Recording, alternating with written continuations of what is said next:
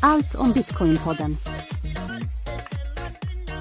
Välkommen till Allt om Bitcoin. Vi ger dig information om vad Bitcoin är och varför det är viktigt för dig och kommande generationer.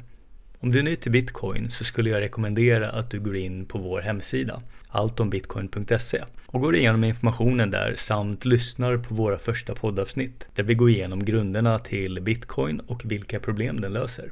Jag spelar in detta poddavsnittet i slutet på januari 2023 och det har gått över tre månader sedan förra poddavsnittet släpptes, avsnitt 10.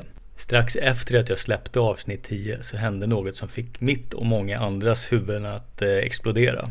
Artificiell intelligens-chatten, ChatGPT, släpptes i november 2022, vilket har tagit världen med storm. Jag har sedan dess dagligen använt den både privat och inom mitt eh, IT-jobb. Först och främst eh, för att bolla idéer, få svar på tekniska frågor och eh, detaljerade tekniska instruktioner.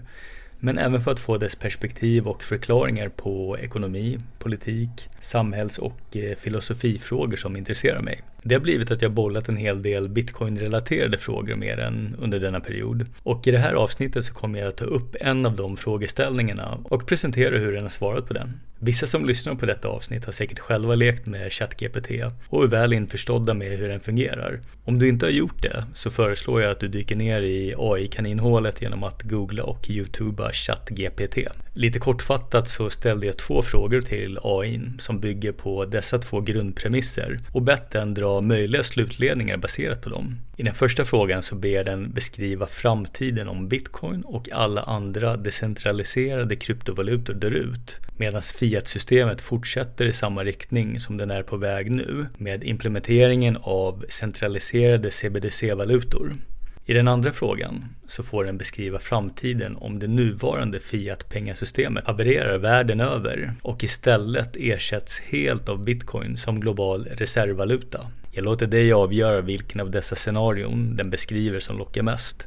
Vi börjar med hur AI ser världens framtid med fiat-systemet om den går åt samma riktning som den är på väg nu. Här har vi hela min ChatGPT-prompt eller frågeställning som jag presenterade den med. Så min fråga var Föreställ dig att du är en AI från framtiden runt år 2050. Du har tillgång till all historisk information i världen vid den tidpunkten. Beskriv denna troliga men fiktiva framtid utifrån ett historiskt perspektiv. Bitcoin och alla andra decentraliserade kryptovalutor har misslyckats och endast centraliserade statliga Fiat CBDCer används runt om i världen. Alla utfärdade CBDCer har programmerbara regler som begränsar människors användning av deras pengar. Till exempel inprogrammerat använd före ett visst utgångsdatum. Dessa regler kan godtyckligt ändras när som helst. Världens statliga och privata skulder har ständigt expanderat sedan 2021 exponentiellt vilket krävs i en fiatvalutavärld. Beskriv i detalj hur världens ekonomi och människors liv skiljer sig mot 2021 på grund av övergången från det nuvarande fiatsystemet där inga publika, icke-statligt styrda, decentraliserade alternativ som bitcoin finns tillgängliga. Beskriv i detalj möjliga positiva och negativa effekter av detta för samhällen, ekonomin i stort och människors personliga liv. Ge flera detaljerade exempel på möjliga samhällsförändringar den har haft. Ge flera detaljerade exempel på möjliga personliga livsstilsförändringar den har haft. Ge flera detaljerade exempel på möjliga ekonomiska förändringar som den har haft. Ge flera detaljerade exempel på möjliga förändringar på arbetsmarknaden den har haft. Och eh, här har vi dess svar.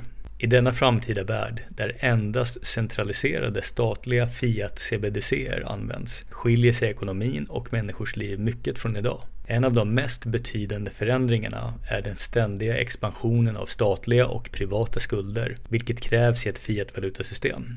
Detta har lett till betydande ökning av inflationen, vilket gör det svårare för människor att ha råd med grundläggande förnödenheter som mat, bostäder och sjukvård. En av de positiva effekterna av denna förändring är att den har lett till ökad kontroll och reglering av ekonomin från regeringens sida. Detta har resulterat i en mer stabil ekonomi med mindre volatilitet och mindre risk för ekonomiska krascher. Dessutom har de programmerbara reglerna för CBDC-erna möjliggjort större kontroll över hur människor använder sina pengar, vilket har lett till en minskning av brottslighet och bedrägerier. Hmm, okej, okay. den väljer att presentera dessa förändringar som positiva effekter, vilket jag till viss del förstår. Men jag ser även baksidan på dessa förändringar. Men eh, det tar den själv upp i nästa stycke som låter så här.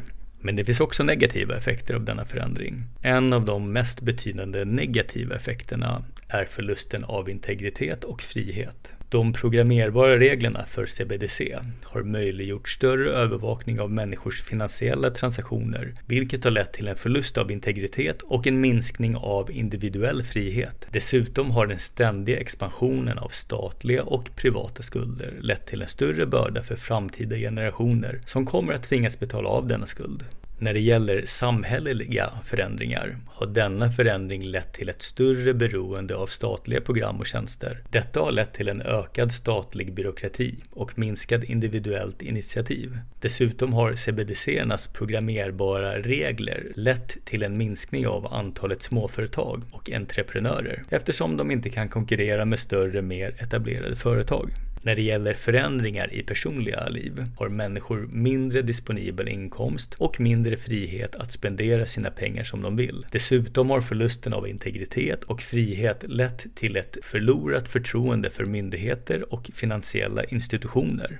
När det gäller ekonomiska förändringar har denna förändring lett till ett större beroende av statliga utgifter och en minskning av privata investeringar. Dessutom har den ständiga expansionen av statliga och privata skulder lett till en större börda för framtida generationer. Ja, det låter ju inget vidare med tanke på hur stora skulderna redan nu är i många länder. Så jag vill inte ens försöka föreställa mig hur dessa ser ut runt år 2050 i den här takten. Okej, vi går vidare. När det gäller förändringar på arbetsmarknaden har denna förändring lett till en större efterfrågan på statliga jobb och en minskning av efterfrågan av jobb inom den privata sektorn. Dessutom har CBDC-ernas programmerbara regler lett till en minskning av småföretag och entreprenörer, vilket har lett till en minskning av jobben inom småföretagarsektorn. Alright, vad tycker du om denna bild AI målar om framtiden med Fiat-systemet på plats? Innan du bestämmer dig så lyssna på hur den beskriver en framtid med bitcoin som global valuta. Här är hela min prompt, eller frågeställningen som jag presenterade den med. Föreställ dig att du är en AI från framtiden runt år 2050. Du har tillgång till all historisk information i världen vid denna tidpunkt. Beskriv denna troliga men fiktiva framtid utifrån ett historiskt perspektiv. Bitcoin är världens globala reservvaluta som används över hela världen. Spekulera om hur bitcoins övergång från världens ledande kryptovaluta 2021 till den de facto globala reservvaluta valutan 2030. Året då den överträffade den amerikanska dollarn och effekterna den därefter har haft på världen sedan den blev världens reservvaluta. Utöka ditt svar på den här frågan men tänk på att prisvolatiliteten för bitcoin inte är ett problem eftersom bitcoin nu är den globala reservvalutan som används för alla transaktioner och tjänster. Så produkter runt om i världen prissätts i bitcoin. Bitcoin växlas inte längre mot fiatvaluta så det kan inte förekomma några prisfluktuationer i värde. Beskriv i detalj hur världens ekonomi och människors liv skiljer sig från idag på grund av övergången från det nuvarande statliga fiatsystemet till ett globalt decentraliserat bitcoinsystem. Beskriv i detalj möjliga positiva och negativa effekter av detta för samhällen, ekonomin i stort och människors privata liv. Ge flera detaljerade exempel på möjliga samhällsförändringar den har haft. Ge flera detaljerade exempel på på möjliga personliga livsstilsförändringar den har haft. Ge flera detaljerade exempel på möjliga ekonomiska förändringar som den har haft. Ge flera detaljerade exempel på möjliga förändringar på arbetsmarknaden den har haft. Okej, okay, och så här svarade den på, på den här prompten. I den här framtida världen där bitcoin har blivit den globala reservvalutan skiljer sig ekonomin och människors liv mycket från idag. Skiftet från det nuvarande statliga fiat-systemet till ett globalt decentraliserat bitcoinsystem har haft både positiva och negativa effekter på samhällen, ekonomin och personliga liv. En av de mest betydande positiva effekterna är den ökade säkerheten och stabiliteten i det monetära systemet. Bitcoins decentraliserade karaktär innebär att det inte finns någon central punkt för fel och transaktioner bearbetas på ett globalt nätverk av datorer. Detta har lett till till minskat bedrägeri, brottslighet och en stabilare ekonomi. Dessutom har användningen av bitcoin som global reservvaluta eliminerat behovet av valutaväxling, vilket gör internationell handel mycket enklare och effektivare. Okej, det här är ju intressant att den menar att bitcoin som global reservvaluta minskar bedrägerier, brottslighet och stabiliserar ekonomin. Lite motsatsen av hur bitcoin presenteras i media de senaste årtiondena.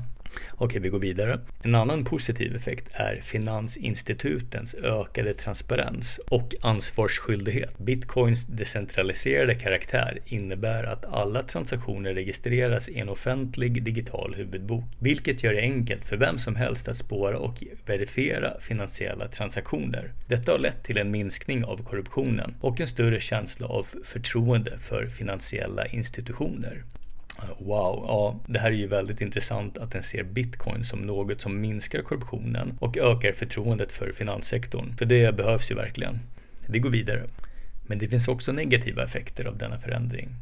En av de mest betydande negativa effekterna är förlusten av statlig kontroll över det monetära systemet. Bitcoins decentraliserade karaktär gör att det inte finns någon central myndighet som kan kontrollera tillgången på pengar eller fastställa penningpolitiken. Detta har lett till en minskning av de statliga utgifterna och en minskning av de statliga tjänsterna. Dessutom har förlusten av statlig kontroll lett till en minskning av program för sociala skyddsnät och, en minskad, och ett minskat stöd till de allra mest utsatta medlemmarna i samhället. Ja, det här är ju ett tveeggat svärd där jag ser fördelarna med det den beskriver som nackdelar. Det finns ju en hel del eh, libertarianer inom bitcoinvärlden som just ser detta som ett mål. För att eh, statens nuvarande överförmyndarskap är något som vi behöver röra oss bort ifrån. Men vi går vidare.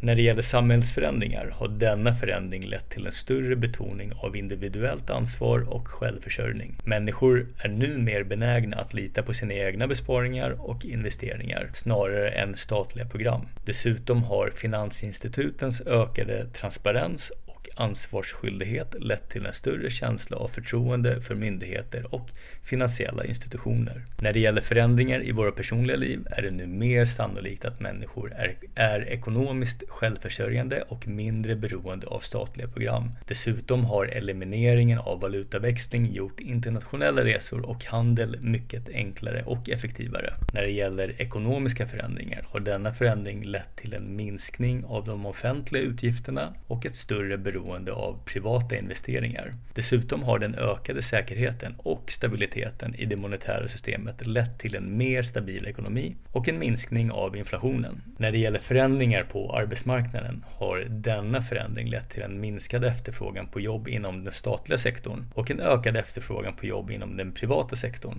Dessutom har finansinstitutens ökade transparens och ansvarsskyldighet lett till en större efterfrågan på jobb inom sektorn för finansiering finansiella tjänster. Okej, det här var hur AI presenterade framtiden med bitcoin som global reservvaluta. Ja, vad säger du? Vilken framtid lockar dig mest? Jag kommer lägga in båda promptarna som jag har använt i avsnittstexten så kan du själv laborera med hur AI svarar dig med, med den här frågeställningen. Eh, min generella bild är att AI är objektiv i sina svar men man kan styra dess svar åt ett visst håll beroende på hur man skriver prompten. Som till exempel så har jag hårdare styrt prompten gällande Fiat och CBDC-frågan genom min egna bild av vart världen och Fiat-systemet rört sig historiskt sedan dess introduktion 1971. Jag tycker personligen Fiat och CBDC-visionen AI presenterar låter mörk och dystopisk i mina öron. Medan framtiden den målar med bitcoin som global valuta känns mer eller mindre som en utopi. Den ena ger oss exponentiellt mer av det vi redan nu har fått av eh, det nuvarande systemet. Mer inflation, mindre kontroll över våra besparingar och eh, liten förmåga att ta ansvar för vår egna ekonomi och eh, livssituation. Medan den andra framtiden ger oss en stabil valuta med större transparens mellan alla medborgare och institutioner. Men som samtidigt kräver att vi tar större ansvar för vår ekonomi och våra besparingar. Okej, vad har du för åsikter i frågan? Maila oss på info alltombitcoin.se eller skriv på vår Twitter alltombitcoin. Lyssnar du inte redan på podden via Fountain-appen så börja idag så tjänar du sats när du lyssnar på oss och eh, alla andra poddar. Jag skulle även uppskatta om du kan betygsätta podden på Spotify och iTunes så syns vi bättre när folk letar efter poddar. Har du idéer till hur vi bäst sprider vikten av bitcoin eller tror att vi kan hjälpa dig sprida det på något sätt så kontakta oss. Det har aldrig varit viktigare än nu att vi hjälper alla runt omkring oss hoppa på livbåten som är bitcoin. Tack för att du har lyssnat och jag hoppas att du vill fortsätta lyssna på kommande avsnitt. Ha det så bra. Hejdå!